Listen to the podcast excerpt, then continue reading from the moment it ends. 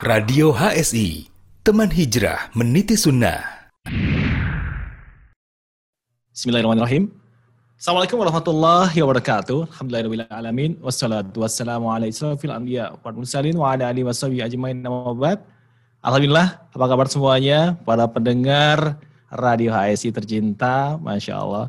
Di hari Ahad ini kembali berjumpa bersama saya Deksa di malam ini. Baik, di satu program yang tentunya sudah bisa menemani Anda setiap hari Ahad ya. Ada bincang motivasi hijrah, Masya Allah. Baik, pendengar, seperti halnya beberapa pekan yang lalu kita juga mengobrolkan dengan satu tema yang sama ya. Tentang kita mengambil sebuah ibroh, kita berharap seperti itu. Dari hijrahnya beberapa kawan-kawan kita ya. Nah, saudara muslim kita dengan banyak cerita yang Masya Allah, ini semoga bisa kita ambil pelajaran di dalamnya. Masya Allah. Baik, sebelum saya coba akan bincang lebih dalam lagi tentang seorang narasumber yang sudah siap ya bersama kita bersama dengan Radio Asia. Dan tentunya siaran ini bisa Anda akses ya di YouTube, ada juga di Pinterest dan beberapa akun medsos yang lain. Lebih lengkapnya Anda bisa langsung kunjungi saja di www.radiohsi.com. Sekali lagi di www.radiohsi.com ya. Dan tentunya ayo kita bersama dukung pemerintah dalam tentunya program ya untuk membatasi penyebaran COVID-19. Baik, pendengar, berbicara tentang motivasi hijrah kita malam ini, saya sudah hadirkan salah satu narasumber yang Masya Allah ya. Kita mengusung tema atau judul pencarianku berlabuh padamu, Masya Allah. Ya, beliau ini terlahir dari keturunan keluarga pendeta, menjadikannya seorang Nasrani yang taat ya, kemudian meyakini surga telah menanti membuatnya terlena dengan kehidupan dunia beserta kenikmatannya yang fana. Dan pendengar, berprofesi sebagai pelaut ya, beliau ini menyebabkan seakan-akan butuh terhadap minuman beralkohol. Homer sering uh, ia jumpai dalam rumah ibadahnya kala itu saat dilaksanakan uh, ibadah yang sakral.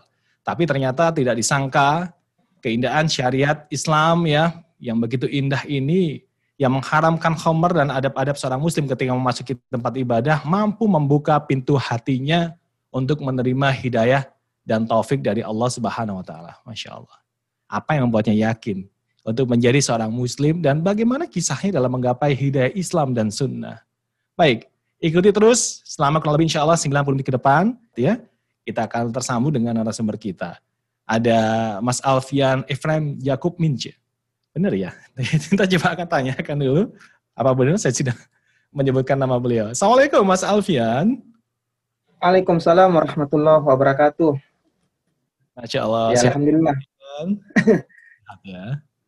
Gimana kabarnya Mas Alfian? Sehat? Alhamdulillah sehat-sehat Mas Deksa, sehat. Ini sedikit delay, antum sekarang posisi ada di mana Mas Alfian? Ya saat ini lagi ada di STL Muarah, uh, tepatnya di negara Brunei Darussalam. Oh, Masya Allah di Brunei Darussalam, pantas saja sedikit delay kita ya, tapi nggak ada masalah. Antum bisa mendengar suara Anda di sini cukup baik ya Mas Alfian? Ya Alhamdulillah uh, cukup baik, cukup jelas. Mas Alfian, begitu susah juga ya menyebutkan nama antum ya. Alfian, Efraim, Jakub, Yakub atau Jakub? Yakub. Ya, Lebih... Yakub Mince. Oh, Yakub, ya. Yakub Mince. Baik, antum dari mana awalnya? Asalnya dari mana? Kalau saya keturunan dari Minahasa. Minahasa Selatan, tepatnya di kota Amurang. Baik. Itu Amurang. Baik, Mas Albian, semoga cerita antum di program motivasi hijrah ini bisa menambah semangat kita, khususnya kawan-kawan semuanya, saudara muslim kita yang berjuang ya untuk bisa bersama-sama kita berhijrah begitu. Tapi ada sesuatu yang menarik kali ini Mas Alfian bahwasanya antum sekarang ini berprofesi sebagai ahli nautika uh, nautika 3 ya. Di lulusan manajemen BP 3 IP, benar ya? Iya, uh, BP 3 Podomoro. Podomoro, iya. Ah, Berarti ya, sekarang sebagai 3 pelaut ya? Bagaimana? Sekarang posisi pekerjaan sebagai pelaut? Iya, sebagai pelaut. Itu salah satu ijazah untuk pelaut. Oh, Masya Allah. Sudah menikah kah? Alhamdulillah saat ini sudah. Alhamdulillah. Baik, Mas Alfian, cukup menarik ini. Uh, beberapa tema yang sudah kita usung ya, bahwasanya ada beberapa cerita yang menarik tentang antum bahwasanya Mas Alfian ini merupakan mualaf dari keluarga pendeta. Masya Allah, tentu perjuangannya bukan sesuatu yang mudah begitu. Baik, bisa ceritakan kepada kami awalnya seperti apa kehidupan antum, Mas Alfian, mungkin dari aktif ya dulu ya mungkin di gereja seperti apa? Silakan Mas Alfian. Ya, alhamdulillah dulu saya juga tergolong. Jadi oma saya itu atau biasa dipanggil nenek itu merupakan pendeta Mari Mince Motolalu, salah satu pendeta senior di GKSS, Gereja Kristen Sulawesi Selatan. Nah, kalau bapak saya Samuel Eli Yusuf Mince. Jadi mengikuti program-program program-program beliau kadang pergi menginjil ke daerah-daerah, bahkan sampai ke daerah-daerah pedalaman yang di mana banyak kadang melakukan kegiatan-kegiatan misionaris gitu. Jadi dari dari hal itu pun saya jadi belajar banyak belajar dalam mulai dari kecil dari sekolah minggu sampai besar dewasa saya setiap tidur setiap saya tidur saya harus membaca satu ayat dari Alkitab dan di setiap kami itu ada buku namanya buku nah, itu dari hmm. tanggal 1 Januari sampai tanggal 31 Desember itu sudah ditentukan ayat-ayat apa yang harus dibaca. Namun kebanyakan dari buku itu mereferensikan semua dari kitab-kitab perjanjian baru. Kejadian awal mula pertama kali itu sampai saya bernasar, istilahnya saya waktu itu ya, saya seperti bernasar karena tahun 2006 itu ketika saya berlayar di Thailand dan ketika saya sudah dalam pengaruh pengaruh hamar, jadi karena kan kehidupan kehidupan sebagai seorang pelaut kadang teman-teman yang ngajak gitu. Saya mengenal diri saya pribadi sebenarnya saya ini baik adanya. Karena saya ciptaan Allah ini saya pasti baik. Cuman kalau ketika saya sudah terpengaruh dengan hamar, makanya semua saya semua hilang begitu. Hilang begitu saja. Jadi kejadian pada saat itu, saya setelah lepas jaga jam 2, saya keluar sama teman, keluar sama teman, kemudian balik ke kapal jam 2 malam, dalam pengaruh sedikit pusing dengan pengaruh hamar, saya teringat, wah saya ini sudah berbuat dosa. Ah, bagaimana untuk untuk saya memohon saya harus baca Alkitab begitu. Jadi saya tidak lupa walaupun dalam pengaruh hamar saya tidak lupa untuk baca Alkitab. Cuman kan ya inilah indahnya sebenarnya kalau di Islam itu kita tidak boleh memegang Al-Qur'an kalau memang tidak tidak dalam keadaan suci. Nah, saya pada saat itu saya memberanikan diri membuka Alkitab tetapi saya tidak mengambil buku sebagai referensi lagi. Pada saat itu malam itu karena saya ingat saya harus jalannya baca satu ayat saja. Jadi saya tidak pedulikan dari ayat mana pun saya ambil. Jadi Alkitab itu saya buka cuman pakai tangan aja, cuman eh, saya lentangkan kedua jari ini, terbukalah ayat kitab Keluaran 20 ayat 7. Di situ di perjanjian baru. Ya? Perjanjian baru. Eh bukan, perjanjian lama. Perjanjian lama. Kita, kita Keluaran itu perjanjian lama. Jadi ketika saya baca di situ, saya membaca ayat jangan menyebut nama Allah dengan sembarangan. Hmm. Pemahaman saya pada saat itu, kalau Allah adalah Tuhannya orang Islam. Karena yang saya kenal dari kecil adalah Tuhan Yesus Kristus. gitu. Oh, saya bilang, oh ini mungkin karena perjanjian lama. Selama ini kan saya bacanya kita perjanjian baru. Akhirnya karena pemahaman saya dalam keadaan puing gitu, saya bilang, ah ini kan Allah. Baik. Baik, kemudian Mas Alvin dilanjut, silakan. Ya, begitu kita begitu saya baca nama Allah ini, maka saya saya terpaut dengan oh Tuhannya orang Islam, saya pun mengatakan kalau kau mau saya panggil Allah, kalau kau mau saya panggil Allah, maka tunjukkan saya agar saya bisa berhenti mengkonsumsi alkohol. Karena saya tahu ketika saya mengkonsumsi alkohol, semuanya akan hilang kesadaran saya. Hmm. Kalau orang mencuri, orang mencuri akan diam-diam. Orang bermaksiat, orang bermaksiat diam-diam.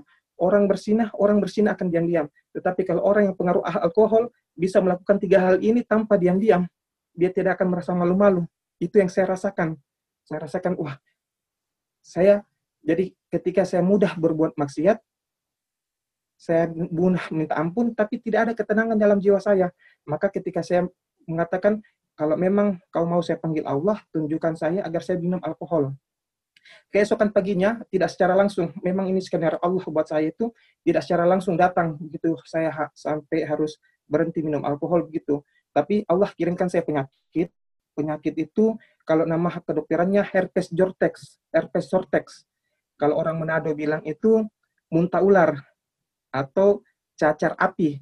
Jadi semacam cacar itu terus dia gatal pedis gitu. Jadi kalau melingkar badan bisa mengakibatkan kematian. Itu itu satu gitu. hari setelahnya ya, Mas Alfian? sehari setelahnya, sehari setelahnya. Jadi kan begini, saya jam 12 malam lepas jaga, kemudian saya keluar, jam 2 saya kembali ke kapal, jam 2 kembali saya ke kapal, habis dari clubbing begitu, jam 2 kembali ke kapal. Jadi istirahat saya tinggal berkurang. Istirahat saya berkurang karena jam 6 pagi saya harus cuti lagi karena pada saat itu posisi saya masih sebagai bawahan di atas kapal. Saya masih krocok-krocok lah di atas kapal. Jadi jam 6 harus bangun lagi itu untuk kerja lagi di situ. Gitu. Ya, baik, silakan nah, dilanjut jadi, Mas Jadi ketika saya bangun pagi itu ternyata kondisi tubuh kondisi tubuh saya itu kurang imun.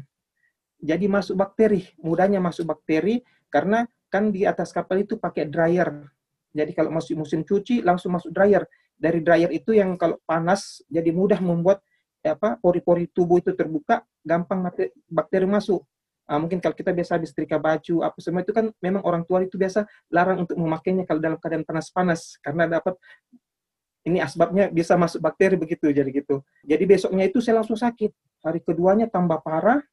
Hari ketiganya begitu perjalanan kembali lagi untuk kembali masuk ke darat, saya minta izin kepada kapten saya untuk bagaimana saya bisa dapat berobat. Ternyata pas hari keempatnya saya dirujuk ke Hospital Bangkok Pattaya, didapatkan kalau saya itu kena bukan virus tapi bakteri, bakteri dari herpes Jortex itu. Saya diberikan obat, saya ingat cuman cuman kejadian kejadian saya bernasar itu ketika baca itu kan sudah terlupakan.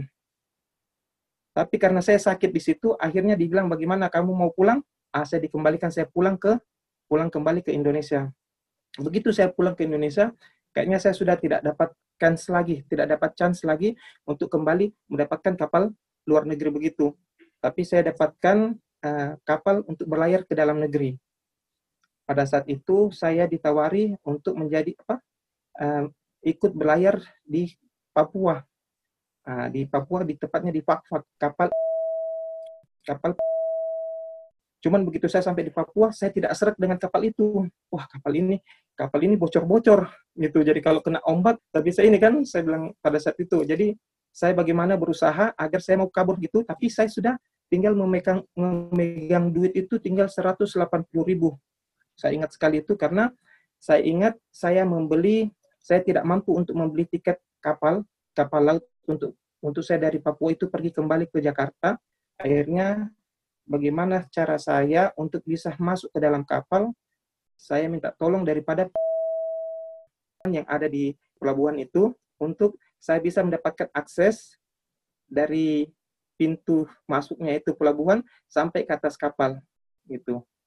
Nah, saya berpikir kalau saya beli tiket duit saya kan nggak cukup untuk kembali. Tapi kalau saya beli minuman waktu itu saya beli minuman untuk kasih minum itu maka itu akan berteman. Nah, itulah cara cari cari teman waktu di sana kan ya, cari, cari teman. Jadi saya belikan dia tiga botol, sementara kami minum-minum, sementara bermajelis maksiat ini, datang dari pasar. Jadi cerita inilah skenario Allah buat saya dari seorang perkataan seorang juga pasar ini dia tegur kami, dia tegur kami yang sedang bermajelis minuman alkohol di situ. Dia tegur, "Eh, itu minum-minum dilarang." Maka dari pelabuhan ini tanya, "Ah, siapa yang larang? Pak Kapolda kah? Pak Kapolri, eh, Pak Kapolri kah? Oh, panggil sini. Itu kan bahasa istilahnya mereka bercanda begitu antara sesama itu bercanda. Hmm. Bayangkan pasar ini katakan, ah bukan, itu agama yang larang. Saya kaget, wah kok bisa bicara agama gitu kan? Maka saya tanya, agama apa? Saya bilang gitu, agama apa yang larang? Karena saya berpikir kan mereka orang ini eh, orang Kristen, ternyata mereka juga orang Muslim. Mereka itu Papua ah. Muslim, orang Papua kita yang Muslim kan. Cuman karena mereka tidak ini karena dia bercanda sebenarnya dia juga mau ikut bergabung itu untuk minum konsumsi alkohol itu dia malu untuk mengatakan agama Islam yang larang. Kenapa saya bertanya agama apa yang agama apa yang larang minum alkohol? Karena saya pada saat itu tidak menemukan pemahaman saya kalau Kristen melarang orang minum alkohol. Kenapa? Jadi memang sudah saya berpikir, wah di dalam gereja saja bisa ditemukan alkohol. Jadi agama apa yang larang? Saya bertanya, agama apa yang larang? Dia tidak serta-merta mengatakan agama Islam. Tapi dia mengeluarkan, dia dia ternyata sementara membaca buku penuntun sholat. Buku penuntun sholat di situ dia baca, dan dia mengatakan, ini, dia nggak mengatakan Islam, karena dia tahu diri dia Islam. Dan dia ingin ikut join. Saya cari tahu, kamu dapat itu buku dari mana? setelah itu setelah kejadian itu kan ternyata dia ingin menagih istilahnya jatah pasar ternyata ada orang makanya dia bilang ah itu nggak tahu itu itu mas dia kasih saya buku ini saya minta lima ribu dia kasih buku ini sama saya jadi orang yang menjual-jual lapak-lapak jualan tasbih jualan mukena jualan peralatan sholat dia mengatakan ini buku saya belum dapat duit tapi buku ini seharga lima ribu itu. Nah, ini mungkin juga dakwahnya dakwahnya si penjual ini memberikan itu buku penuntun sholat kan? Akhirnya ya itulah saya katakan skenario Allah buat saya karena kenapa? Itu akhirnya baca-baca juga buku itu. Baca-baca buku itu akhirnya buku itu tanpa tanpa saya sadari saya tidak meminta buku itu sebenarnya. Saya tidak meminta tapi karena saya terlupa karena terpengaruh alkohol nanti saya bangun bangunnya dari setelah kejadian itu saya bangunnya di atas kapal Dorolonda kapal penumpang Dorolonda Waktu itu ada celana kargo, dalam celana saya, ih apa ini dalam kantong ini? Begitu dalam kantong itu saya buka, oh ternyata ini buku buku penuntun sholat yang diberikan yang dibawa oleh dari dari pasar itu. Maka saya saya baca-bacalah, saya baca-baca itu buku. Mulai dari dari halaman pertama, uh, saya baca.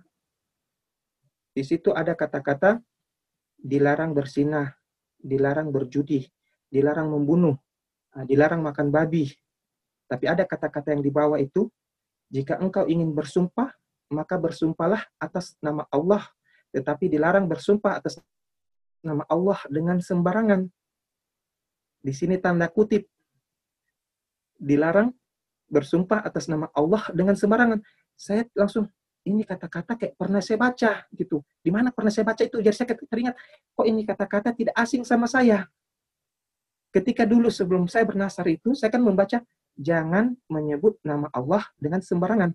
Tetapi di buku itu saya membaca dilarang bersumpah atas nama Allah dengan sembarangan. Cuman saya belum langsung teringat teringat eh, kejadian ketika saya bernasar di Thailand itu. Jadi ketika pada saat itu saya lanjut membaca buku penuntut sholat itu, saya baca, oh Terus saya baca dilarang minum minuman keras. Saya bilang, wah ini orang Islam ini tipu-tipu ini. Karena agamanya larang minum minuman keras, tapi teman banyak saya temani temani saya minum orang Islam sendiri. Makanya saya, wah ini ini bisa jadi jalan saya ini bagaimana kembali memurtadkan orang. Karena dulu memang saya dulu aktif juga misionaris, bagaimana saya tahu cara-cara, saya tahu cara-cara bagaimana untuk mengeluarkan ayat-ayat Al-Quran mengeluarkan ayat-ayat Al-Quran dari diri seorang remaja. Kemudian ketika kita lihat itu ayat Al-Quran sudah keluar, kita menggunakan ayat Al-Quran sendiri untuk bagaimana dia menjadi murtad. Orang kadang kaget di situ, eh, kok bisa? Kan sudah dikatakan, Allah katakan dengan ayat Allah berikan dengan ayat ini, Allah berikan hidayah, dan dengan ayat ini orang bisa jadi tersesat. Jadi kalau dia tidak belajar dengan guru yang benar nasabnya, bisa bisa jadi dia salah pemahaman daripada untuk memahami Al-Quran itu ya, di surat As-Sukruf itu. Orang kalau dia salah memahami, maka dia akan mengikuti, oh dialah Isa, diikutilah Isa. Orang tidak tahu Isa, ikutin Isa ini apanya gitu.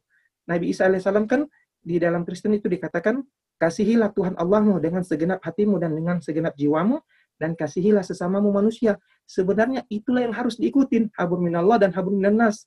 Cuman kalau orang salah pemahaman, oh Isa ini kan Tuhannya orang Kristen. Akhirnya di situ banyak menjadi murtad. Nah itu dulu kembali itu. Kalau saya kembali murtad, karena saya pun jadi tertarik. Saya bisa cari tahu ini ah, orang Islam ini ternyata dia dilarang dalam agamanya, dilarang minum minuman keras. Tetapi kenapa banyak dari mereka yang berani minum minuman keras? Maka saya berdasarkan dari buku-buku itu, dari buku penuntun sholat itu saya tertarik saya membaca bagaimana caranya agar bisa masuk ke dalam rumah ibadah seorang muslim. Bagaimana bisa masuk ke dalam musola ataupun ke dalam masjid. Di situ saya bacalah oh tata cara berwudu. Mas Alfian, tapi pada waktu itu ya. antum sudah berpikir bahasanya gimana caranya untuk bisa masuk ke rumah ibadah muslim pada waktu itu. Itu posisi ada di kapal ya. pada saat Cuman itu ada di niatnya ada. Cuman niatnya pada waktu itu masih belum ini ya mendapatkan petunjuk yang sebenarnya begitu ya Mas Alfian ya. Ada tujuan yang lain belum kan? di situ belum di situ ah, ini ini makanya ini deretan eh rentetan cerita ini yang akhirnya bisa membuat saya kenapa saya memantapkan diri untuk masuk Islam Baik, sampai Mas Alfian akhirnya menerima buku dari seorang preman yang Masya Allah gitu ya. Baru sadar ketika Mas Alfian dibuka di atas kapal. Begitu ya Mas Alfian ya. Baik, Ya. kemudian kita lanjutkan lagi ceritanya Mas Alfian, silakan. Jadi ketika saya membaca buku itu, saya mempelajari sedikit tentang Islam, tentang bagaimana berwudu, tentang bagaimana tentang bagaimana tata cara sholatnya, apa yang dibaca di situ. Saya berpikir begini, ah, bagaimana cara beribadah di dalam rumah ibadahnya? Karena ingin saya mencari tahu, jangan sampai ada hamar di dalam rumah ibadahnya, sebagaimana ada di dalam gereja itu pemikiran saya karena kan ih, ini kan bukunya dikatakan dia dilarang minum minum minuman keras. Gitu. Maka saya saya membandingkan apakah ada juga seperti bagaimana adanya di dalam gereja. Pada saat itu juga saya langsung niat diri saya untuk mencari tahu apa yang ada di dalam masjid ataupun musola. Bertepatan pada saat itu ada pengumuman. Kalau di atas kapal akan ada eh, sholat berjamaah sholat berjamaah tepatnya di musola kapal begitu di di atas kapal Dorolonda.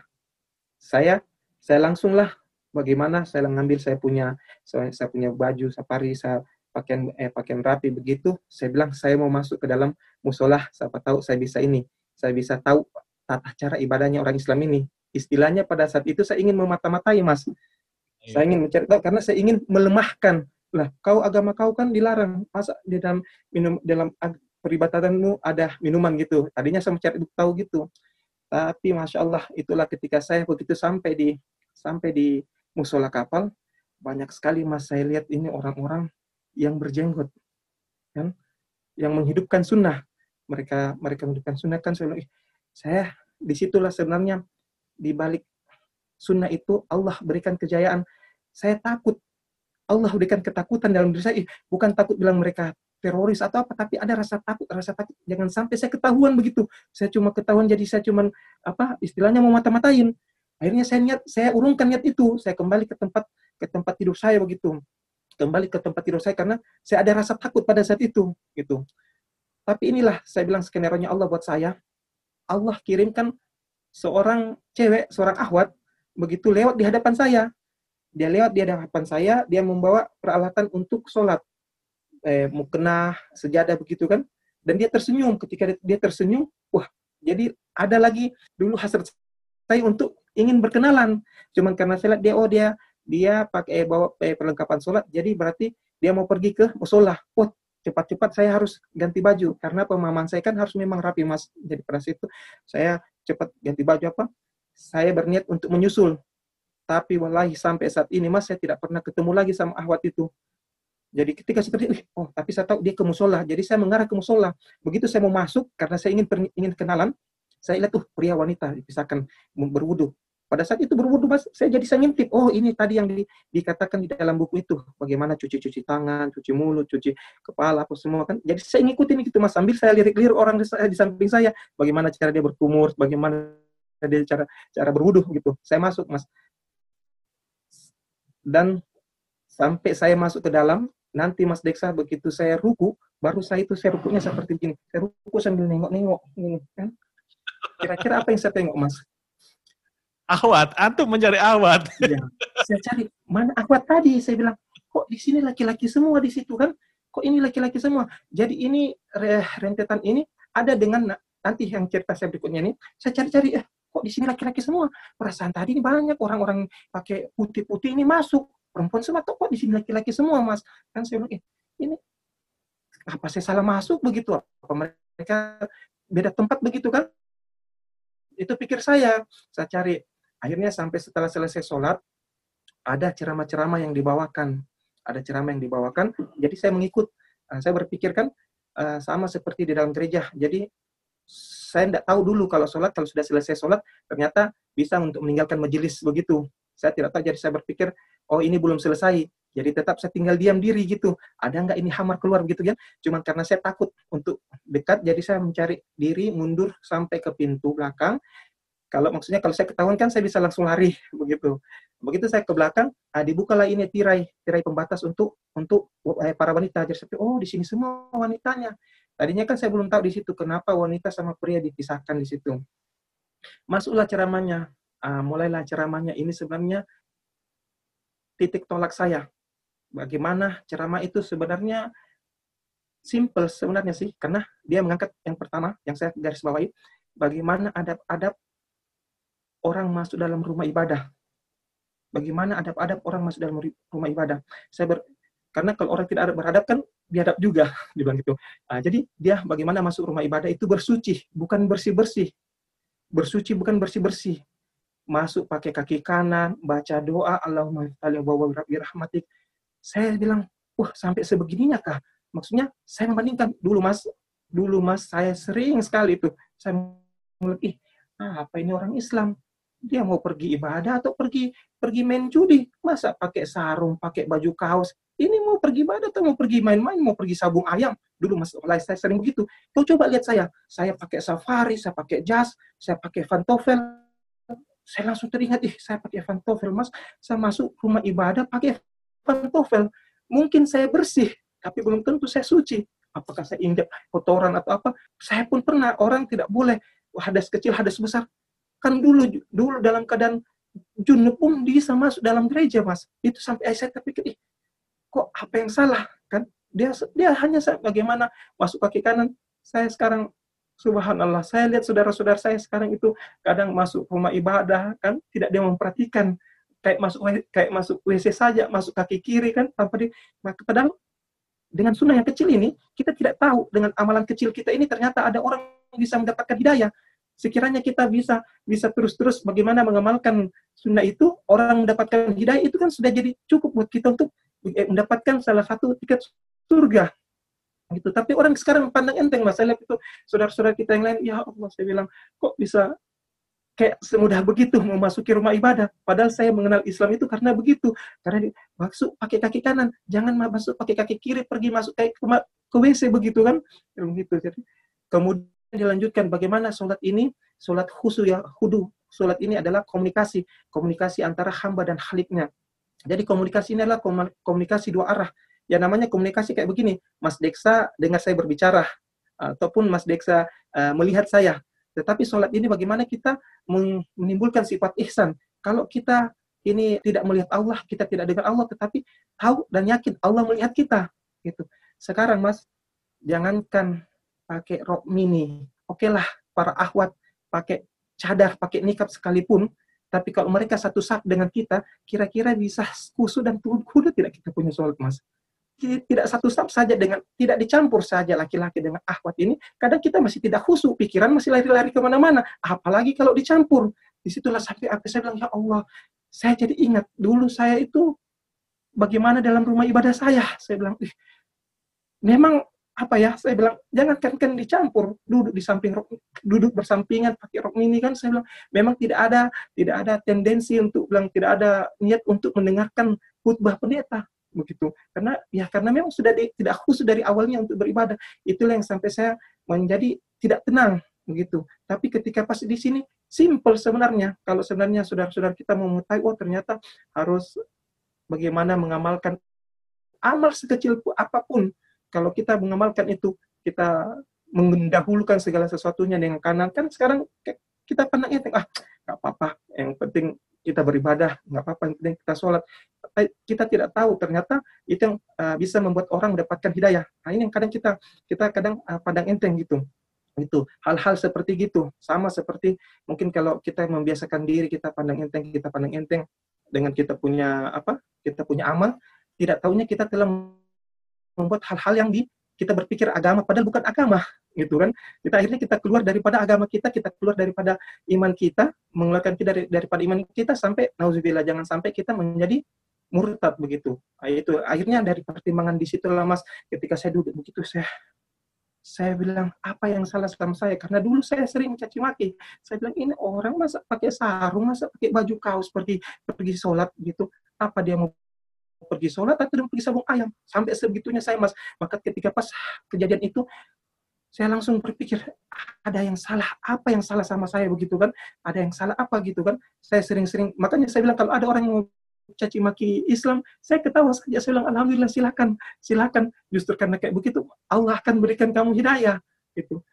Jadi saya sempat duduk termenung lama saya termenung sampai ada seseorang datang tegur saya gitu kan. Assalamualaikum eh saya bilang iya kan saya mau kabur itu mas saya mau kabur karena saya ketakutan tapi di situ pertama kali dalam hidup saya duduk bersilah. Jadi jangankan saya mau kabur, mau berdiri pun kaki saya kram, tidak bisa tidak bisa berdiri. Itu itulah makanya kan puasanya Allah, Allah kasih kram kaki saya, akhirnya saya duduk lama.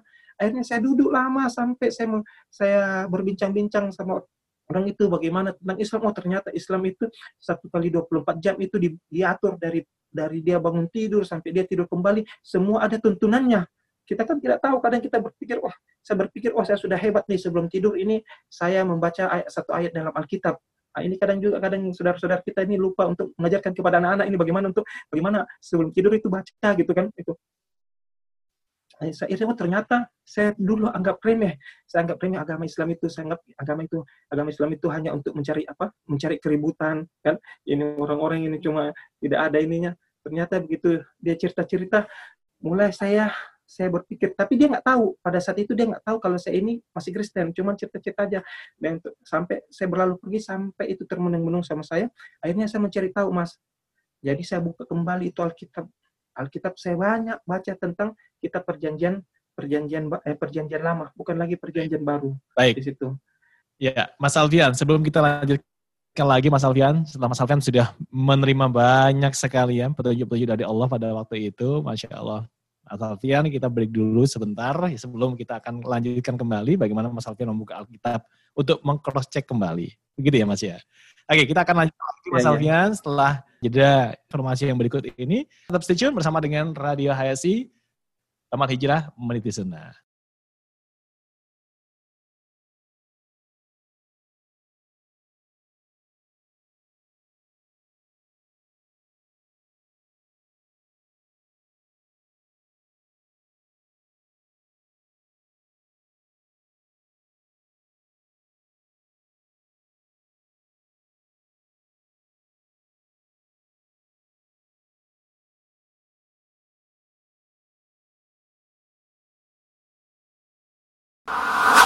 Pendaftaran narasumber radio HSI. Alhamdulillah, seiring dengan berjalannya beberapa program di radio HSI, kami mengajak kepada para ikhwah untuk berkesempatan menjadi narasumber di radio HSI. Antum memiliki cerita menarik, pengalaman unik, kisah inspiratif, sharing kesehatan atau tibun nabawi, sampai tips dan trik lainnya. Profesi, pengusaha atau pedagang, teknik, IT, sipil, kedokteran, perawat atau bidan, ustadz, petani, guru, pegawai, freelance, dan lainnya. Nah, silahkan disalurkan melalui radio HSI. Eits, pastikan juga sumber cerita harus sahih dan tidak fiktif ya. Berikut adalah program Bincang Radio, Bincang Wirausaha, Bincang Kesehatan, Bincang Motivasi Hijrah, dan lain-lain. Yuk ikut bergabung dan ramaikan. Insya Allah, kebaikan sekecil apa pun yang kita berikan dapat menjadi jalan kebaikan yang besar bagi orang lain. Kita tunggu sharingnya ya. Jazakumullahu khairan. Barakallahu fikum. Radio HSI, teman hijrah meniti sunnah. Radio HSI, bersama melawan COVID-19. Sahabat Radio HSI, musim pandemi masih berlangsung di negara kita. Tingkatkan iman dan takwa kita Semoga Allah Subhanahu wa taala mengangkat musibah ini. Mari bersama kita secara disiplin terapkan adaptasi kebiasaan baru sebagai wujud kontribusi kita di dalam memutus rantai penularannya. Berikut Radio HSI, teman hijrah meniti sunnah kembali hadir bersama Satu, saya Deksa di masker. malam ini, Dua, malam dengan semuanya, Alhamdulillah. Baik, air kita sekarang lagi bincang-bincang bersama dengan uh, Mas Alfian. Ya, beliau ini merupakan perbanyak asupan gizi dan vitamin untuk tubuh kita. Perjalanannya Lima, sangat cepat hindari sekali bepergian tanpa ya, untuk keperluan yang penting dari atau Allah. Masya mendesak. Allah, cerita cukup menarik. Sahabat Baik, kita langsung saja akan melanjutkan mari bagaimana bersama-sama kita cerita hentikan beliau penularan untuk COVID-19. di sesi yang kedua kali ini. Radio Baik, kita HSI, masih teman hijrah, tersambung bersama dengan Mas Alfian. Mas Alfian bisa mendengar suara Anda, Mas Alfian? Alhamdulillah masih masih Mas Deksa. Baik, Masih Masya Allah. Baik, cerita terakhir tadi Mas Alfian setelah lama ya di musola eh, kapal pada waktu itu Mas Alfian ya bahkan sampai Mas Alfian tidak bisa beranjak untuk berdiri karena memang Allah alam ya semuanya memang qadarullah Mas Alfian kan merasakan kram karena bersila baru pertama kali dalam kehidupan Mas Alfian. Baik, setelah itu Mas Alfian, Mas Alfian berusaha untuk mengcross check ya apa yang disampaikan dari imam yang sempat menjadi memberikan sedikit khutbah ya pada waktu itu ya. Baik, apa yang antum alami setelahnya Mas Alfian? Silakan. Iya, setelah itu, jadi kan kapal itu tadinya menuju ke ke Tanjung Priuk, ke, menuju Tanjung Priuk. Tapi saya karena saya mengingat, oh keluarga saya kalau tahu ini seperti apa, ini jadi saya urungkan niat untuk ke Tanjung Priuk. Itu karena setelah saya saya pelajarin daripada dari dari Alkitab sendiri, saya baca Alkitab sendiri tuh. Saya akhirnya ber, berkonsultasi, berkonsultasi bukan dengan ini, bukan dengan imam tadi itu, ada ada dengan orang-orang lain yang saya bertanya-tanya gitu eh, apa tentang tentang bagaimana itu Islam? Terus saya membandingkan oh ternyata Islam dibawa seorang rasul. Kan? Saya pada saat itu saya mengenal Kristen waktu itu kan saya Kristen Protestan. Oh saya Kristen Protestan ini Protestan dari mana? Asal usulnya begitu. Kalau Protestan itu oh ternyata asal usulnya bukan dari seorang nabi tapi dari protesnya protesnya seorang raja Inggris kepada pihak Vatikan Romawi pada saat itu. Jadi terlahir dari bukan seorang nabi, tapi daripada seorang raja.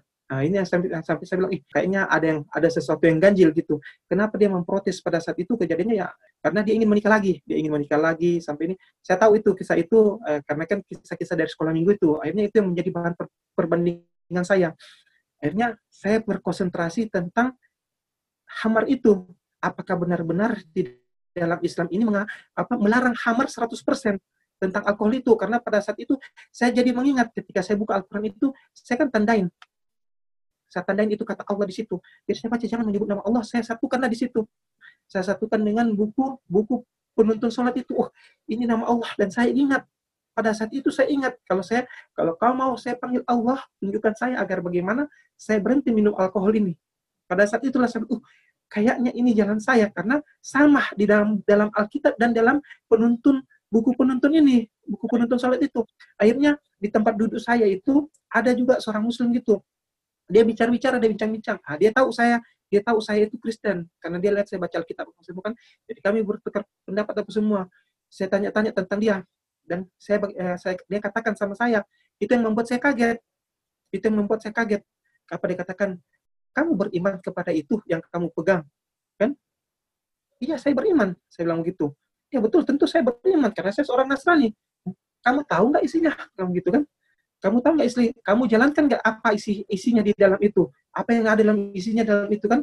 Dikatakan di situ kalau Nabi Isa alaihissalam yang menurut kamu Tuhan itu disunat. Apakah kamu sunat? Pada saat itu memang saya belum sunat, Mas. Eh, tapi kan saya mengatakan apa yang diberikan apa yang diberikan Tuhan kan tidak boleh serta merta di, diambil. Dalam gitu tidak boleh semerta-merta diambil gitu. Ya tapi kan itu bukan baik untuk kesehatan dalam gitu kan. Ya tapi kan itu ciptaan Allah. Itu saya berdebat di situ sampai dia mengatakan yang masuk di akal saya apakah kenapa kuku kamu masih pendek? Bukankah itu ciptaan Allah? Kenapa kamu tidak biarkan panjang aja? Itu dengan dia dia membandingkan bagaimana dengan sunat itu. Kemudian dia mengatakan yang membuat saya kaget saya muslim tapi saya beriman kepada kepada Alkitab yang kupakai saya kaget, lah kok bisa? Bukannya seorang muslim. Dikatakan tidak sempurna iman seorang muslim kalau dia tidak beriman kepada Injil. Saya pun kaget di situ. Dan tidak sempurna tidak sempurna iman seorang muslim kalau dia tidak beriman kepada Nabi Isa alaihissalam. Karena kan masuk dalam rukun iman. Dia jelaskan pada saat itu tentang rukun iman. Akhirnya saya kaget. Alkitab yang selama ini saya bawa-bawa dan buku penuntun sholat ini ada kayak ada istilahnya ada keterkaitannya. Akhirnya saya melihat, masya Allah sampai saya bilang, wah kayaknya ini yang bagaimana untuk saya bisa berhenti alkohol itu. Kan saya bertanya, lah kok ternyata banyak orang Islam sendiri dia masih mengkonsumsi alkohol, padahal kan agamanya larang. Dia bilang, dia katakan, insya Allah dia itu Muslim, tapi belum tentu dia Islam. Saya tambah bingung di situ, Mas. Eh, kok dia Muslim belum tentu dia Islam? Dia bilang, ya, karena Islam melarang itu, tapi dia agamanya Muslim. Dia dia seorang Muslim, tapi dia tidak menjalankan apa yang eh, agamanya larang begitu. Akhirnya di situlah mulai sampai saya benar-benar, saya bilang, wah saya benar-benar mau belajar untuk bagaimana Islam itu. Cuman pada saat itu penumpang itu yang di saya dia turun di Makassar. Sebelum ini saya kan mau ke, Jakarta. Dia turun di Makassar, saya tidak ada teman cerita. Ketika saya tidak ada teman cerita, saya turun di Surabaya. Ketika saya turun di Surabaya, saya mendapatkan masjid di situ. Saya saya urungkan perjalanan saya ke Priok. Saya ke masjid situ dan saya mulai dari situ. Saya bagaimana belajar Islam. Saya dimualafkan di sebuah musola dan saya pun tidak tahu orangnya pada saat itu. Dia hanya menuntun saya di situ. Karena pada saat itu pemikiran saya bagaimana menghadapi keluarga saya. Menghadapi daripada bapak saya. Bapak saya ibu saya istri saya. Pada saat itu saya sudah istri punya anak satu. Mas pada saat itu saya sudah punya istri punya anak satu.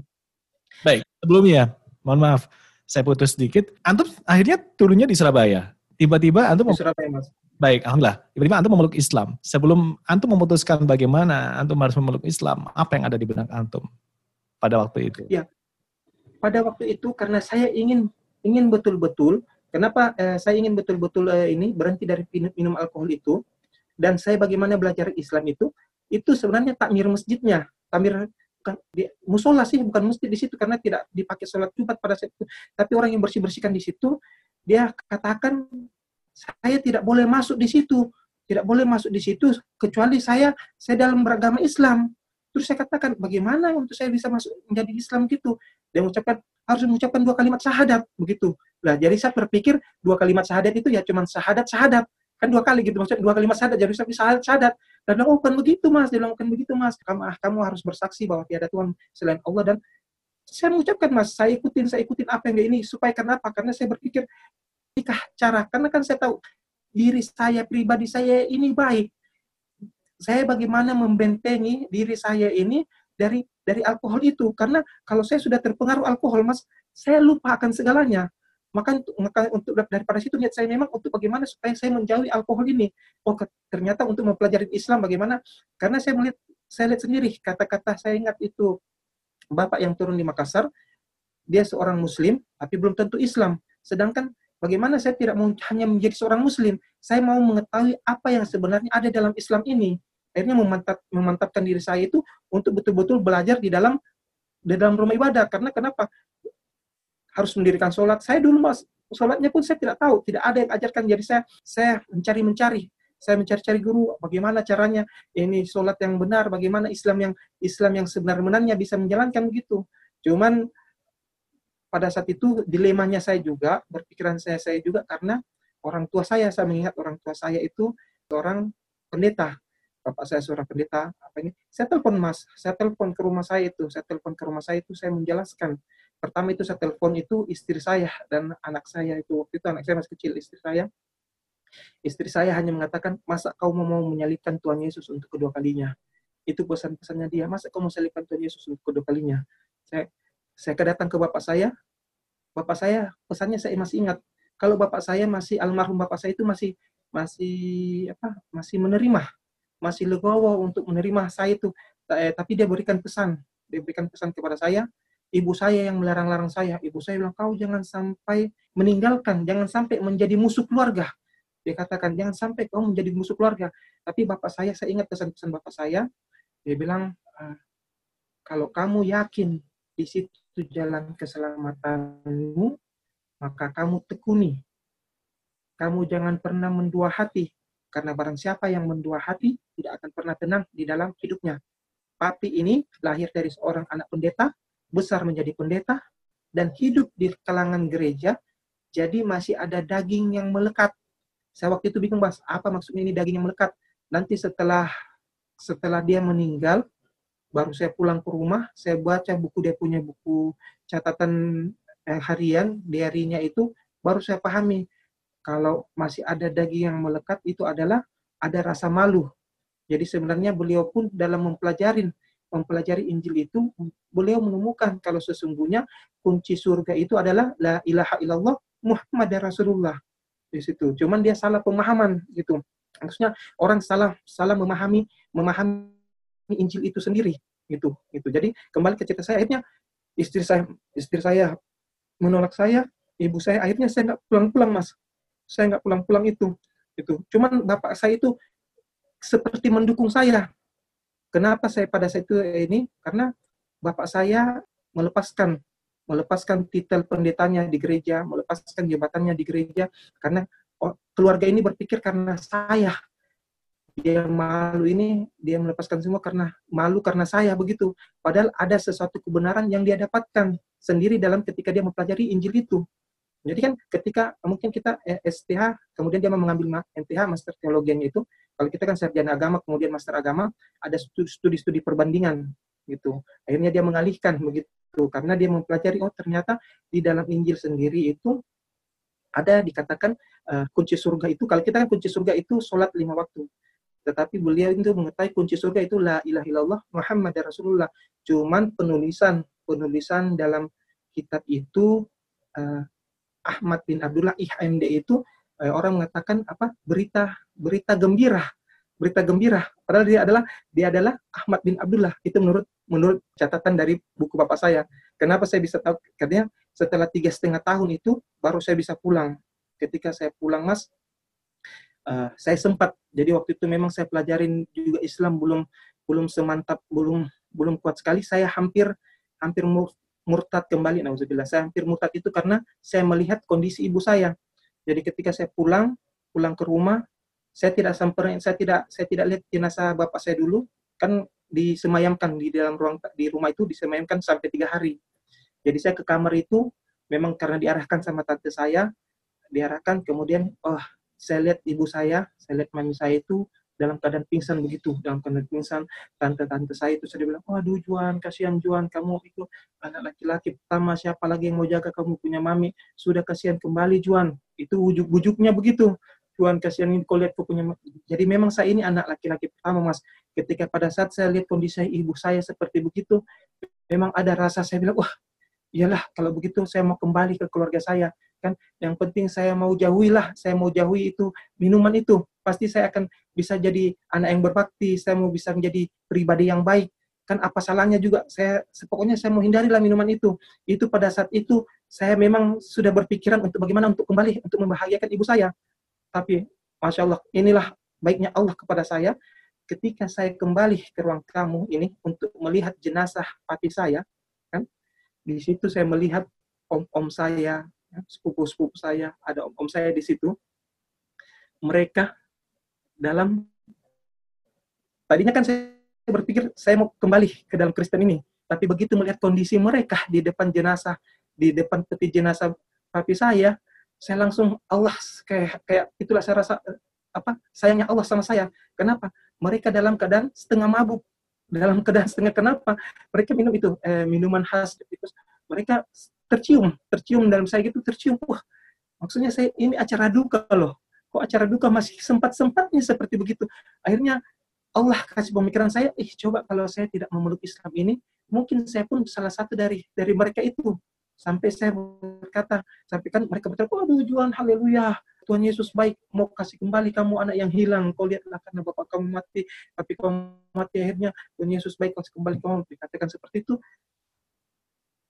sampai di hati saya saya bilang tidak usah tidak usah urus tentang saya punya iman tetapi di depan jenazah papi saya saya bilang demi Allah saya tidak akan tinggalkan agama ini kan?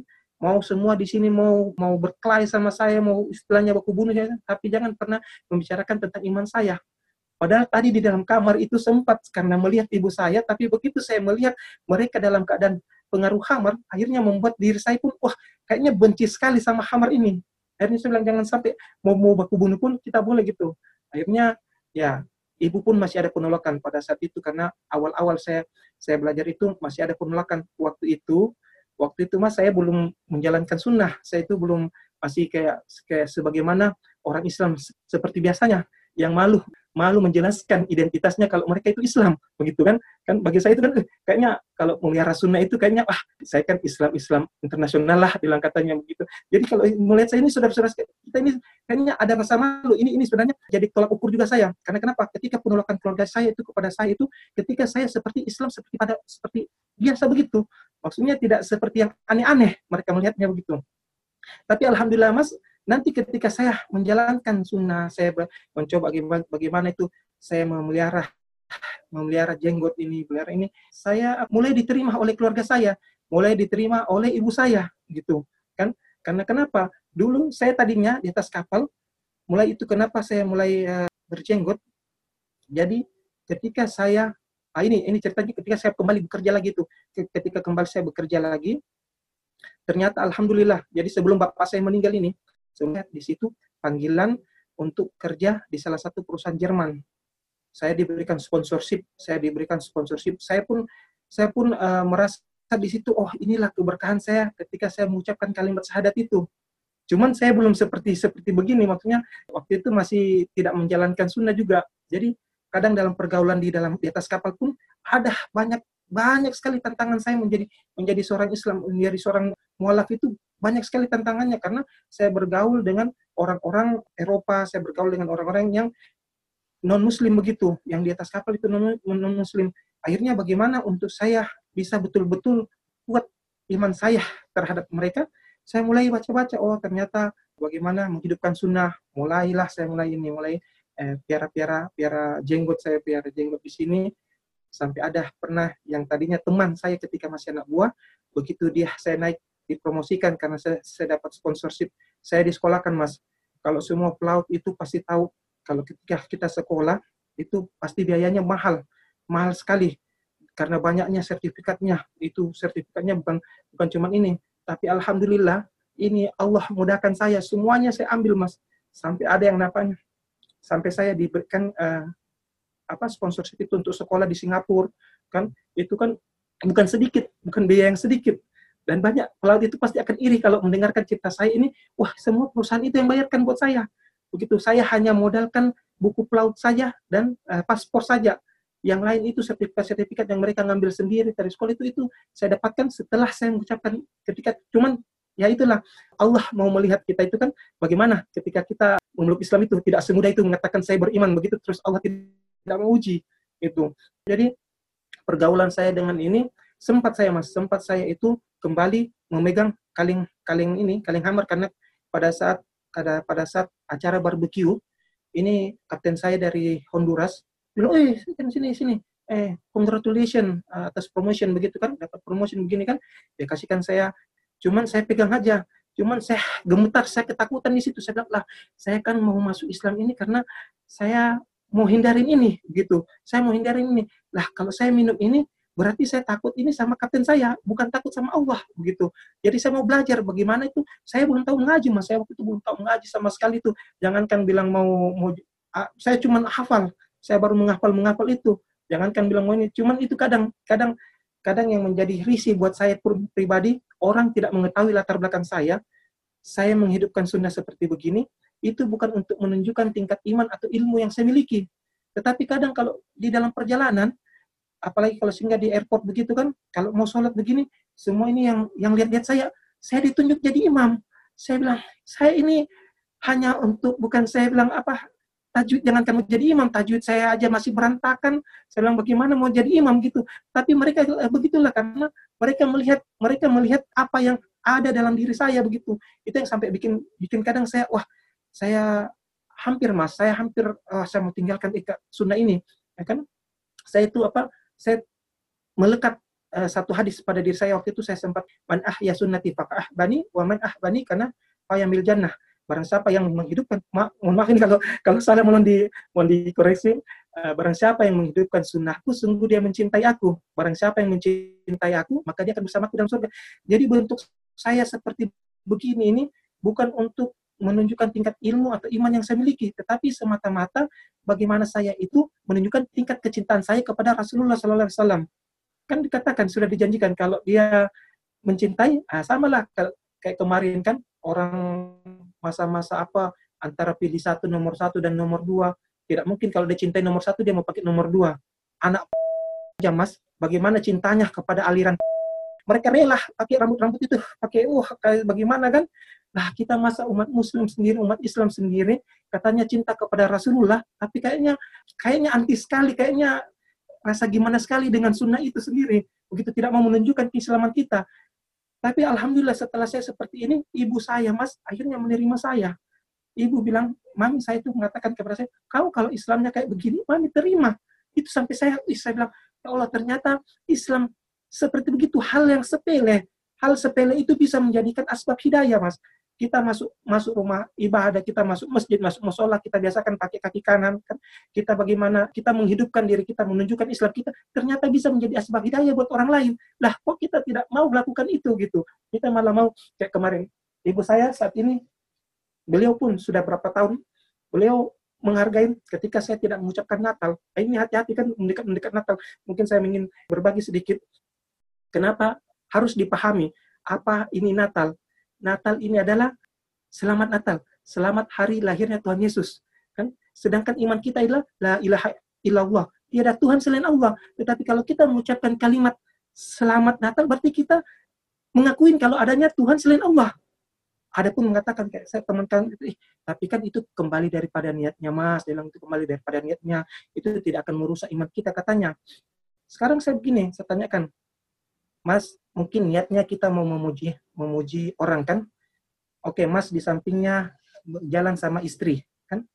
Jalan sama istri, kemudian ketemu sama kawan, kan? Ketemu sama kawan. Kawan bawa istri juga. Niatnya ini untuk menyenangkan hati, kan? Menyenangkan hati sama kan ibadah juga, sedekah juga kan? Mas kira-kira nyut, weh, cantik banget istri kamu gini-gini gini. Kira-kira bagaimana perasaan istrinya? Kan? Padahal kan niatnya untuk menyenangkan, menyenangkan hati. Asal malah ucapan kita ini ingin menyenangkan kan selamat Natal. Kira-kira bagaimana perasaan Allah? Kan itu istri saja pasti akan tersinggung, akan marah gitu. Kita menyepelekan perkataan ini kita menyepelekan. Ah, itu kan hanya sekedar kata. Nah, dengan kata ini kita bisa menjadi halal. Dan dengan perkataan ini kita bisa menjadi haram bergaul dengan istri.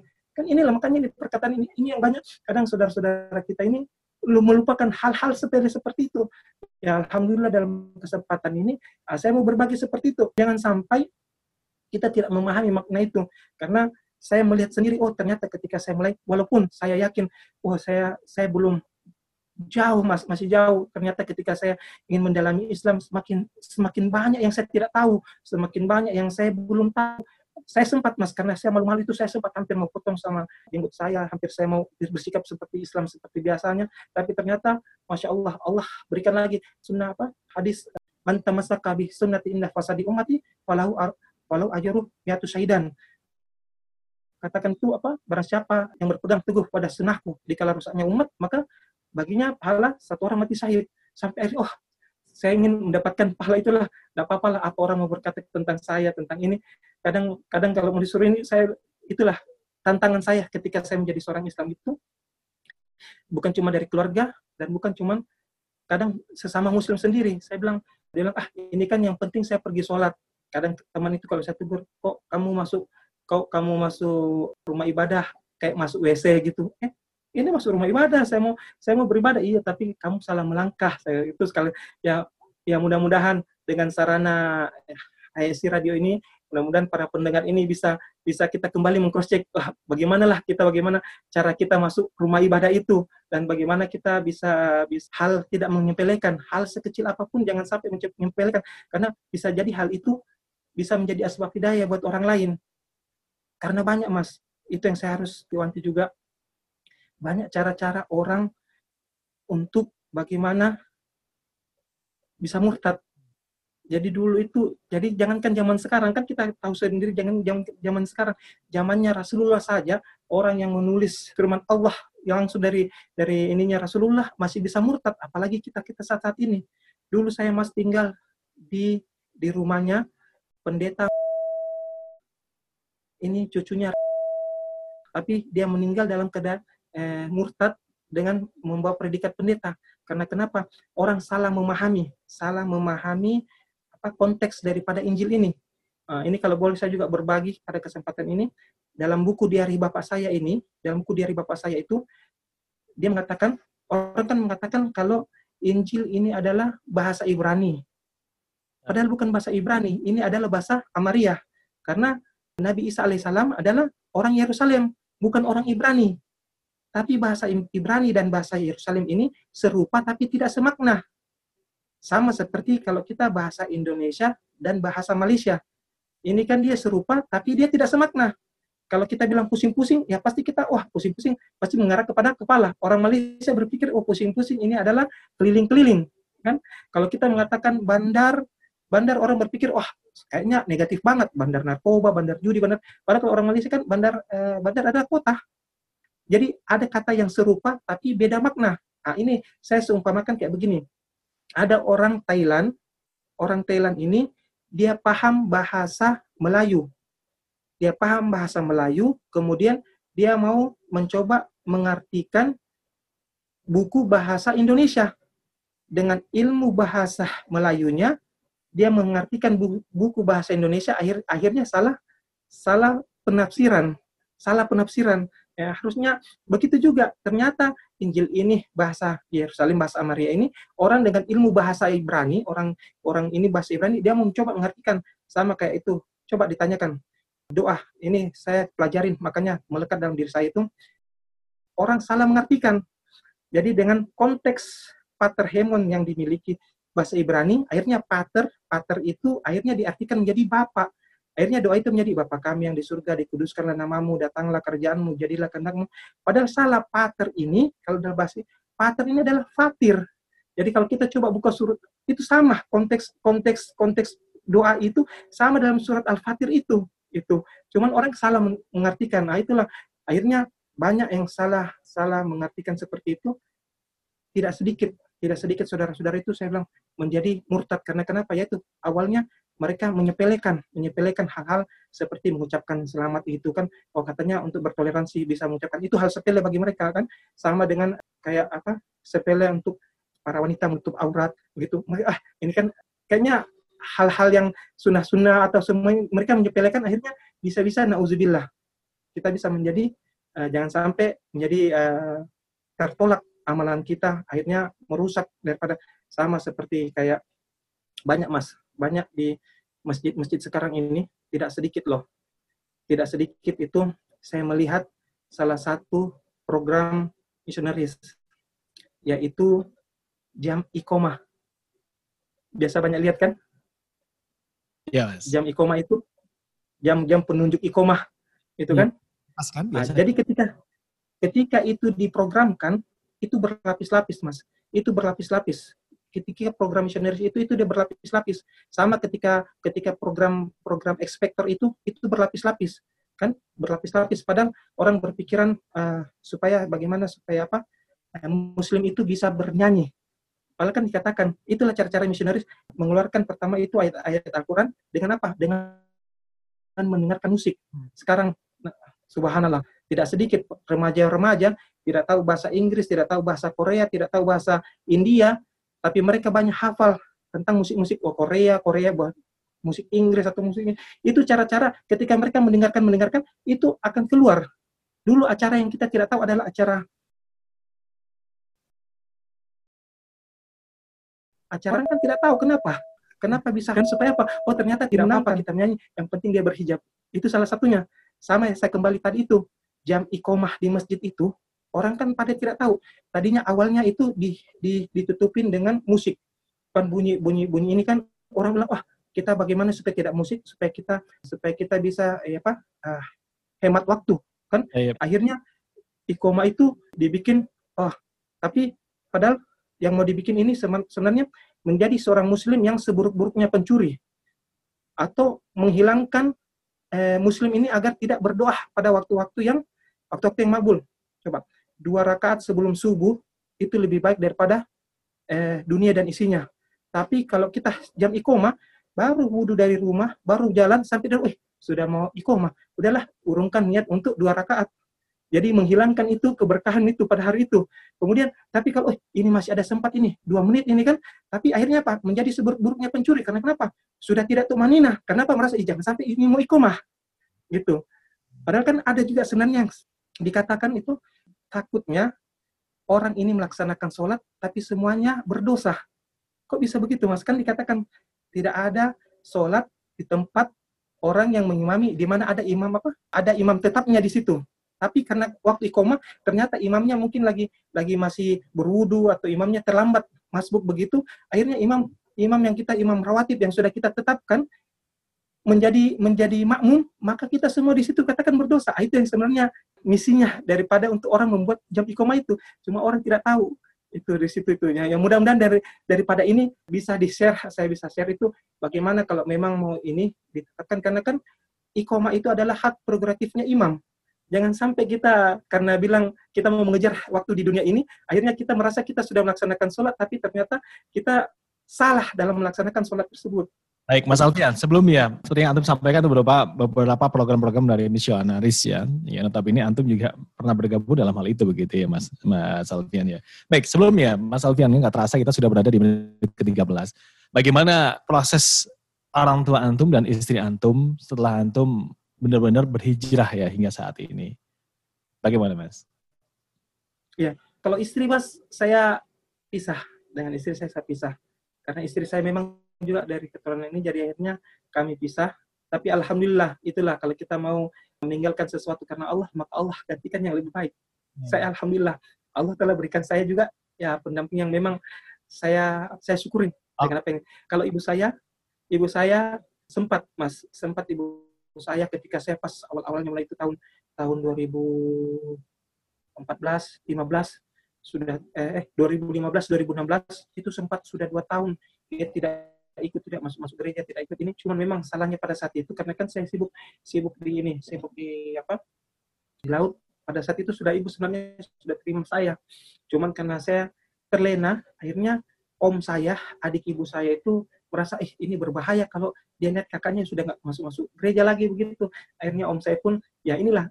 Karena kan misionaris begitu mereka melihat hal-hal seperti itu akhirnya dia bawa ibu saya jalan-jalan dulu pergi ke Toraja. Habis habis itu dia bawa ibu saya untuk tinggal di rumahnya. Mulai dari situ ibu saya pun tapi ah inilah para pendengar KSI Radio. Saya mohon juga doanya agar semuanya karena kekuatan saya yakin kekuatan kita itu adalah doa. Saya mohon didoakan untuk ibu saya uh, bagaimana agar bisa mendapatkan hidayah juga apa yang saya rasakan. Dari saya empat bersaudara saya baru dapat menarik kakak saya. Kakak saya ketika saya membacakan, saya mem memperlihatkan uh, buku di hari bapak saya, alhamdulillah kakak saya ikut-ikut juga memulai pelajarinya. Jadi kami dan keluarga baru berdua. Nah, jadi saya masih ada adik saya itu, adik saya yang laki-laki sama perempuan. Ya itu saya cuma bisa mendoakan dua hidayah. Karena kan kita cuma cuma bisa sebatas itu. Ibu saya pun itu cuma saya bisa bagaimana untuk mendapatkan untuk doa hidayah. Kalau istri saya memang saya pisah masih itu. Cuman saya ada anak satu dari situ. Oh, Masya Allah. Artinya antum sekarang sudah menikah lagi gitu ya Mas ya? Iya, Alhamdulillah. Saya ah, yang jomblo langsung menikah lagi. Artinya yang jomblo langsung nutup HP nih Mas sekarang Mas. Jomblo wati nih. Bagaimana? Yang jomblo wati sekarang langsung nutup HP gara-gara antum sudah bilang menikah lagi. Masya Allah masalah.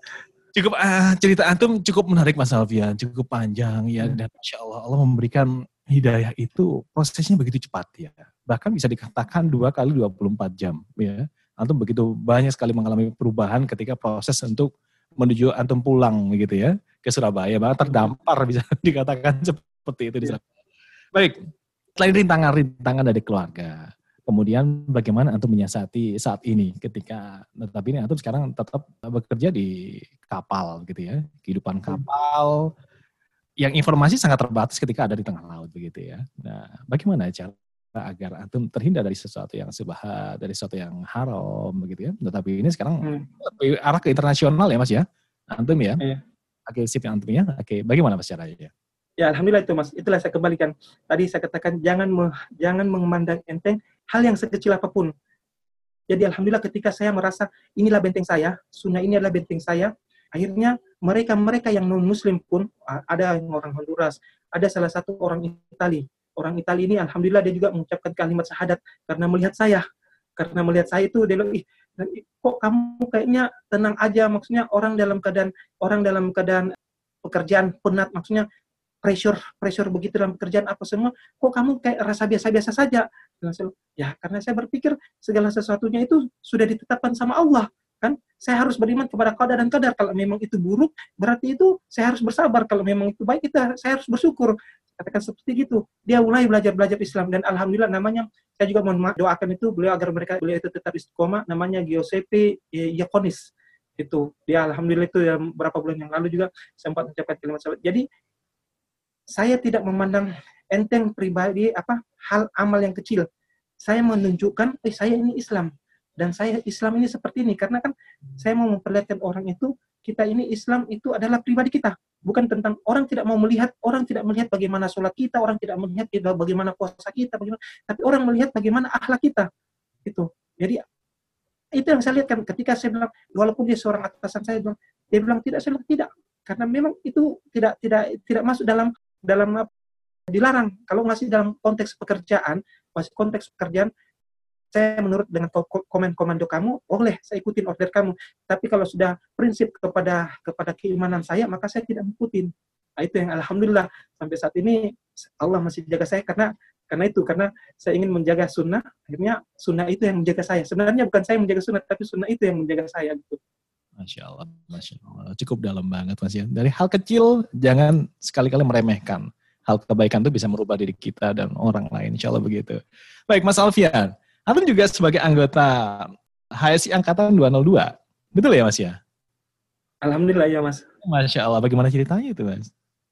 Bisa ya, itu dari postingan postingan saya punya kawan jadi postingan di WA gitu. Ah, saya bilang ini saya, jadi saya kan merasa uh, saya butuh, saya butuh karena masih banyak hal-hal yang saya belum tahu termasuk memperbaiki perbaiki saya punya bacaan apa semua. Jadi uh, saya ikut mendaftar. Ya, Alhamdulillah saya terdaftar di apa HSI 20247 gitu. Nah, itu kurang lebih berapa bulan yang balik gitu. Ya, Masya Allah, Masya Allah. Artinya sampai saat ini hal itu mudah dilakukan ya Mas ya, selama Antum menjadi bagian dari HSI, artinya ketika Antum bersandar bisa iya. mengerjakan, ya. ketika bisa dikerjakan Mas? Iya, Alhamdulillah itulah sampai saya selalu minta sama Allah, karena kan kita selalu yakin, ini eh, ini mau ujian harian kah? Atau ini mau ujian kanan gitu kan ini. Jadi saya bilang tapi ya itulah baiknya Allah. Allah selalu mudahkan. Walaupun kadang saya telat itu kadang itu ada admin yaitu Risman sendiri kadang dia mengingatkan saya jangan lupa untuk ini jangan jadi alhamdulillah saya merasa di sini keluarga Hais itu mengingatkan saya ketika saya ini oh jangan lupa untuk merojak kembali. Sebenarnya mudah sehari itu. Tapi memang memang kalau kita mau tidak bersangka baik sama Allah maka akan disusahkan tetapi ya itu ya Allah pasti Allah carikan saya ini signal. Kayak pada saat ini sebenarnya Mas, kan jadwalnya saya ini belum masuk masuk ke dalam ini, belum masuk dalam belum sandar. Harusnya saya masih ada di dalam di, di lokasi. Kalau di lokasi itu memang signal wah, cuman saya ketika admin uh, mengatakan, "Wih, saya dulu ketika uh, sempat Mas Yoga itu pernah ini saya sempat saya sempat bilang, "Waduh, saya posisi saya uh, jaga posisi saya ini sedang bertugas kalau pada saat jam seperti begini gitu kan. Jadi pada saat itu saya memberikan bagaimana pertimbangan tapi saya mau jadi narasumber gitu. Tapi alhamdulillah dalam beberapa bulan ini posisi saya uh, naik mengganti. Akhirnya saya bukan jam tugas saya ini begitu. Alhamdulillah saya dapat berbagi nilai. Semuanya sebenarnya ya karena kebaikan Allah pada diri saya. Akhirnya bisa semuanya di, dilancarkan oleh Allah Subhanahu wa taala. Masya Allah, Masya Allah. Pernah nggak ketinggalan untuk mengerjakan evaluasi begitu? Pernah nggak? Atau pada momen-momen tertentu antum ada di tengah laut nih. Apa yang dilakukan sama hmm. tim admin pada waktu itu? Masya Allah. Anda pengen tahu nih. Ya, pernah satu kali. Saya ingat sekali itu admin itu ya itu ya bersyukur saya dapat admin yang apa yang aktif apa mengingatkan kan wah pokoknya setiap saat eh, diingatkan jangan lupa gitu ya waktu pas saya mengerjakan wah ternyata error ternyata error gitu uh, karena ternyata signal saya yang kurang ini tapi ya ketika pas mendekati waktu pernah saya satu kali itu sejam sejam sebelum ini. Saya bilang ya Allah saya mau dengan saat ini tapi kalau memang Allah tetapkan tidak ini berarti itu terbaik buat saya. Saya berpikir tapi tapi ya Allah tolong saya untuk biar saya bisa mendapat mengerjakan evaluasi hari ini. Ya Alhamdulillah Allah kasih walaupun cuma satu bar tapi terkirim. Di situ saya bilang ya Allah memang Allah itu walaupun cuma satu bar mas itu kayaknya kayaknya tidak masuk akal saja pada saat itu tapi Alhamdulillah terkirim gitu ya kadang saya juga berkonsultasi kepada admin saya lihat kok eh, soal saya saya langsung kan ditanyakan ini kalau memang soalnya tidak sesuai materi langsung di langsung dihubungin saya bilang mas tolong ini mas soalnya tidak sesuai dengan materi saya alhamdulillah langsung di diperbaiki apa semua diberikan kesempatan ditambahan waktu gitu untuk untuk, untuk menyelesaikan soal itu gitu. Masya Allah, Masya Allah. Artinya banyak kemudahan ya Mas ya. Masya Allah. Ya Alhamdulillah. Sedikit statement antum dong Mas. Selama Mas Alfian sebagai pelaut begitu ya nah, apa sih yang didapatkan dari belajar di HSI saat ini Mas Alfian? Artinya untuk antum juga sebagai mualaf begini dari keluarga pendeta yang juga cukup punya nama di tempat antum begitu ya dan bagaimana peranan hasil itu bisa menjaga antum melalui keilmuan-keilmuan yang sudah disampaikan oleh Zazuna Abdullah Roy. Silakan Mas. Ya, ya kita uh, memang kita membutuh kita sebagai manusia ini kita membutuh ilmu itu dan, dan banyak kita bukan apa kita harus benar-benar mengetahui bagaimana ilmu itu kita harus mengetahui apa asal usul. Jangan sampai kita uh, sembarang kita menerima ilmu itu akhirnya membuat kita banyak banyak sekali mas. Saya melihat ini sebenarnya kesedihan buat saya sendiri itu ketika melihat sesuatu yang saudara-saudara ini yang uh, merasa oh kok dia yang melakukan agama? Padahal dia tidak melakukan seperti gitu kan. Kayak kayak itu yang apa istilah kayak tadi saya bilang bertoleransi kita ini. Karena karena sebenarnya ya itulah tadi uh, bagaimana kita mempelajari iman dulu memaknai memahaminya. Alhamdulillah uh, walaupun tapi memanglah kayaknya belajar di HSI ini membuat kita pelan tapi pasti kita insya Allah bisa memaknai itu karena memang harus belajarnya pelan-pelan gitu dan harus tahu memang asal usulnya dari mana begitu. Nah, di sini walaupun tidak pernah berjumpa, saya itu tidak pernah berjumpa dengan musyrik dengan admin itu, tapi alhamdulillah banyak sekali ilmu-ilmu yang bisa saling ingatkan, kita saling mengingatkan begitu dalam ini. Karena memang saya rasa kalau saya di mana pun, jangankan di atas kapal mas, saya rasa kita di mana pun profesi kita apa pun kalau kita tidak mengetahui tentang ah, ilmu akhirat kita tidak tahu ke mana tujuan kita akan pulang. Sama lah saya ketika saat ini mungkin uh, perjalanan saya ini nanti ke Brunei saya ingin pulang. Saya pulangnya ke Indonesia. Saya pulangnya ke Makassar begitu. Tapi kan ada ada ada step-stepnya. Ah, saya turun dari kapal dulu kemudian saya naik pesawat pergi dulu ke Kuala Lumpur Kuala Lumpur ke Cengkareng. Jadi ada perjalanan yang membutuhkan membutuhkan biaya, membutuhkan biaya yang tidak sedikit untuk saya bagaimana bisa pulang kembali ke Indonesia kan? Nah, kalau saya taruh katakanlah gini saya mau pulang saya bawa uang taruhlah 10 juta bisa nggak saya pulang pasti bisa saya pulang saya bawa pulang uang 5 juta bisa nggak pulang pasti bisa saya pulang sama mas kalau saya kira-kira cuma punya duit 5 ribu mas Deksa kira-kira saya bisa pulang nggak bisa Insya Allah bisa ya Insya Allah bisa mas Insya Allah bisa pulang. Saya bawa 5 ribu pun pasti saya bisa pulang. Kenapa? Saya mau pulang. Jadi apa pun tidak ada jauh beda bedanya itu. Kalau saya bawa saya bawa 20 juta, ah, mungkin saya bisa enak berleha-leha. Saya naik pesawat, kelas satu semua. Saya bawa, bawa 5 juta pun, oh mungkin saya naik kelas ekonomi, sehingga gitu. Saya bawa 5 ribu pun, oh mungkin bisa iya. Saya apakah saya jalan kaki, saya buat rakit, saya, saya berenang, tapi kan susah. Nah, demikian juga eh, apa yang saya maknai, ketika kita pulang kita pulang ke kampung akhirat kan tidak kita sadari ini perjalanan kita ini setiap harinya kita ini mau pulang ke kampung akhirat apa yang kita bawa sebenarnya apa yang kita mau bawa ke kampung akhirat ini apakah kita mau bawa 50 juta 20 juta atau 10 5 juta apakah kita cuma mau, membawa membawa lima rakaat setiap apa apa uh, sholat lima waktu atau kita membawa kita menambah nambahkan dengan puasa sunnah rakaat ataupun bermajelis ilmu ah, inilah tergantung apa yang kita bawa pulang itu. Ah, inilah perlunya kita bagaimana belajar. Alhamdulillah di di dalam uh, masa seperti begini, masa pandemi begini atau masa yang berkembang begini, ternyata HSI tim juga memberikan kesempatan gitu untuk kita umat muslim dapat belajar belajar agama ini secara mudah mudah mudah dan terarah terarah begitu ya moga-moga program-program HSI pun ke depannya itu masih uh, bisa terjangkau ke seluruh ini ke seluruh punjuk apa pelosok-pelosok ini jadi bisa diakses kepada uh, seluruh umat umat Islam di Indonesia ataupun di dunia secara ini secara umum. Masya Allah, masya Allah. Baik, Mas Alfian cukup menarik perbincangan kita nggak terasa Mas Alfian, namun waktu uh, harus memisahkan kita begitu. Nggak terasa Mas Alfian 90 menit.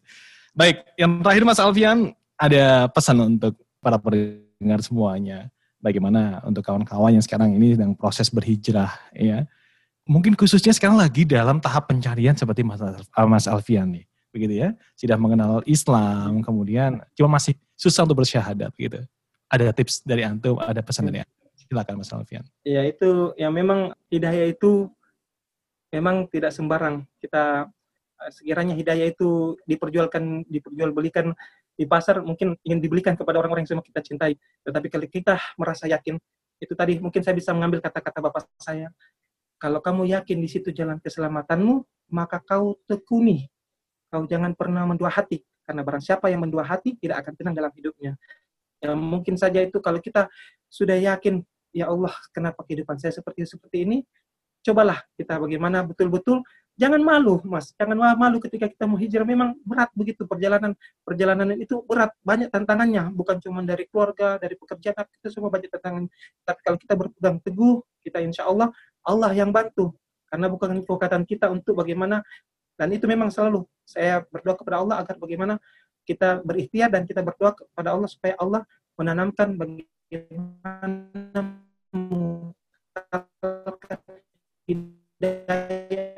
yang ada dalam dalam mungkin sila Baik, baik Mas. Masya Allah, Mas Alfian. Cukup menarik pembahasan kita. Alhamdulillah, Mas Alfian. Semoga apa yang Anda sampaikan sejak awal ini bisa uh, menjadi pembelajaran untuk kita semuanya. Buat yang muslim maupun yang mungkin sedang mencari jati diri ya. Semoga Allah memberikan hidayahnya untuk uh, kawan dan kerabat kita yang mungkin masih mencari begitu ya Mas Alfian ya. Insya Allah. Baik, jasa kalau khairan Mas Alfian. Selamat bertugas untuk Antum. Jangan lupa Mas, tetap semangat ya. Kalau ngantuk kopinya diminum dulu tuh biar seger. Masya Allah. Ini sedang bersandar karena masih ya Mas ya. Begitu. Semoga Iya, masih Baik, semoga Allah nanti ya sama jaga antum dan tim antum. Amin, amin, amin. Kalian Mas Alfian, terima kasih sudah main-main ke Radio HSI. Dan kalau nanti ada program yang lain, kita bolehlah undang-undang yang lain Mas Alfian ya. Dengan program yang beda. Jasa kelahiran Mas Alfian, sukses untuk antum. Terima kasih. Baik. Waalaikumsalam warahmatullahi wabarakatuh. Baik pendengar, kita kembali untuk Anda berbagi informasi ini. Uh, ada beberapa program ya yang kali ini kita pindah di jamnya seperti halnya esok hari di hari Senin ya. Hari Senin itu ada satu program namanya Bincang Wirausaha yang biasanya pada pekan-pekan sebelumnya di hari Kamis begitu. Nah, kita berubah di hari Senin kemudian Uh, untuk yang bincang kesehatan yang biasanya hari Sabtu pindah ke hari Rabu begitu. Masya Allah. Baik, kalau bersama sudah kita simak bersama, pendengar jangan lupa ya, kalau Anda belum sempat mengikuti perbincangan kita bersama dengan narasumber kita ada Alfian Efrem Yakub Mince ya. Beliau ini merupakan mualaf keluarga pendeta gitu. Dan Anda bisa simak rekaman kajian, uh, rekaman siaran maksud saya ya malam ini. Silakan Anda bisa kunjungi saja di www.radiohsi.com. Sekali lagi di www.radiohsi.com. Di sana ada link Pinterest, ada link uh, rekamannya ya, kemudian ada juga link YouTube-nya. Lengkap semua ada di sana ya. Silakan Anda kunjungi langsung. Baik, terima kasih. Saatnya saya Dex harus pamit untuk undur dulu. Jangan lupa insya Allah bisa ketemu lagi di waktu yang berbeda. Insya Allah begitu ya. Baik kita akan tutup dengan kafaratul majelis. Subhanallah wa bihamdika asyhadu ilaha illa anta Assalamualaikum warahmatullahi wabarakatuh. Radio IC, teman hijrah, meniti sunnah.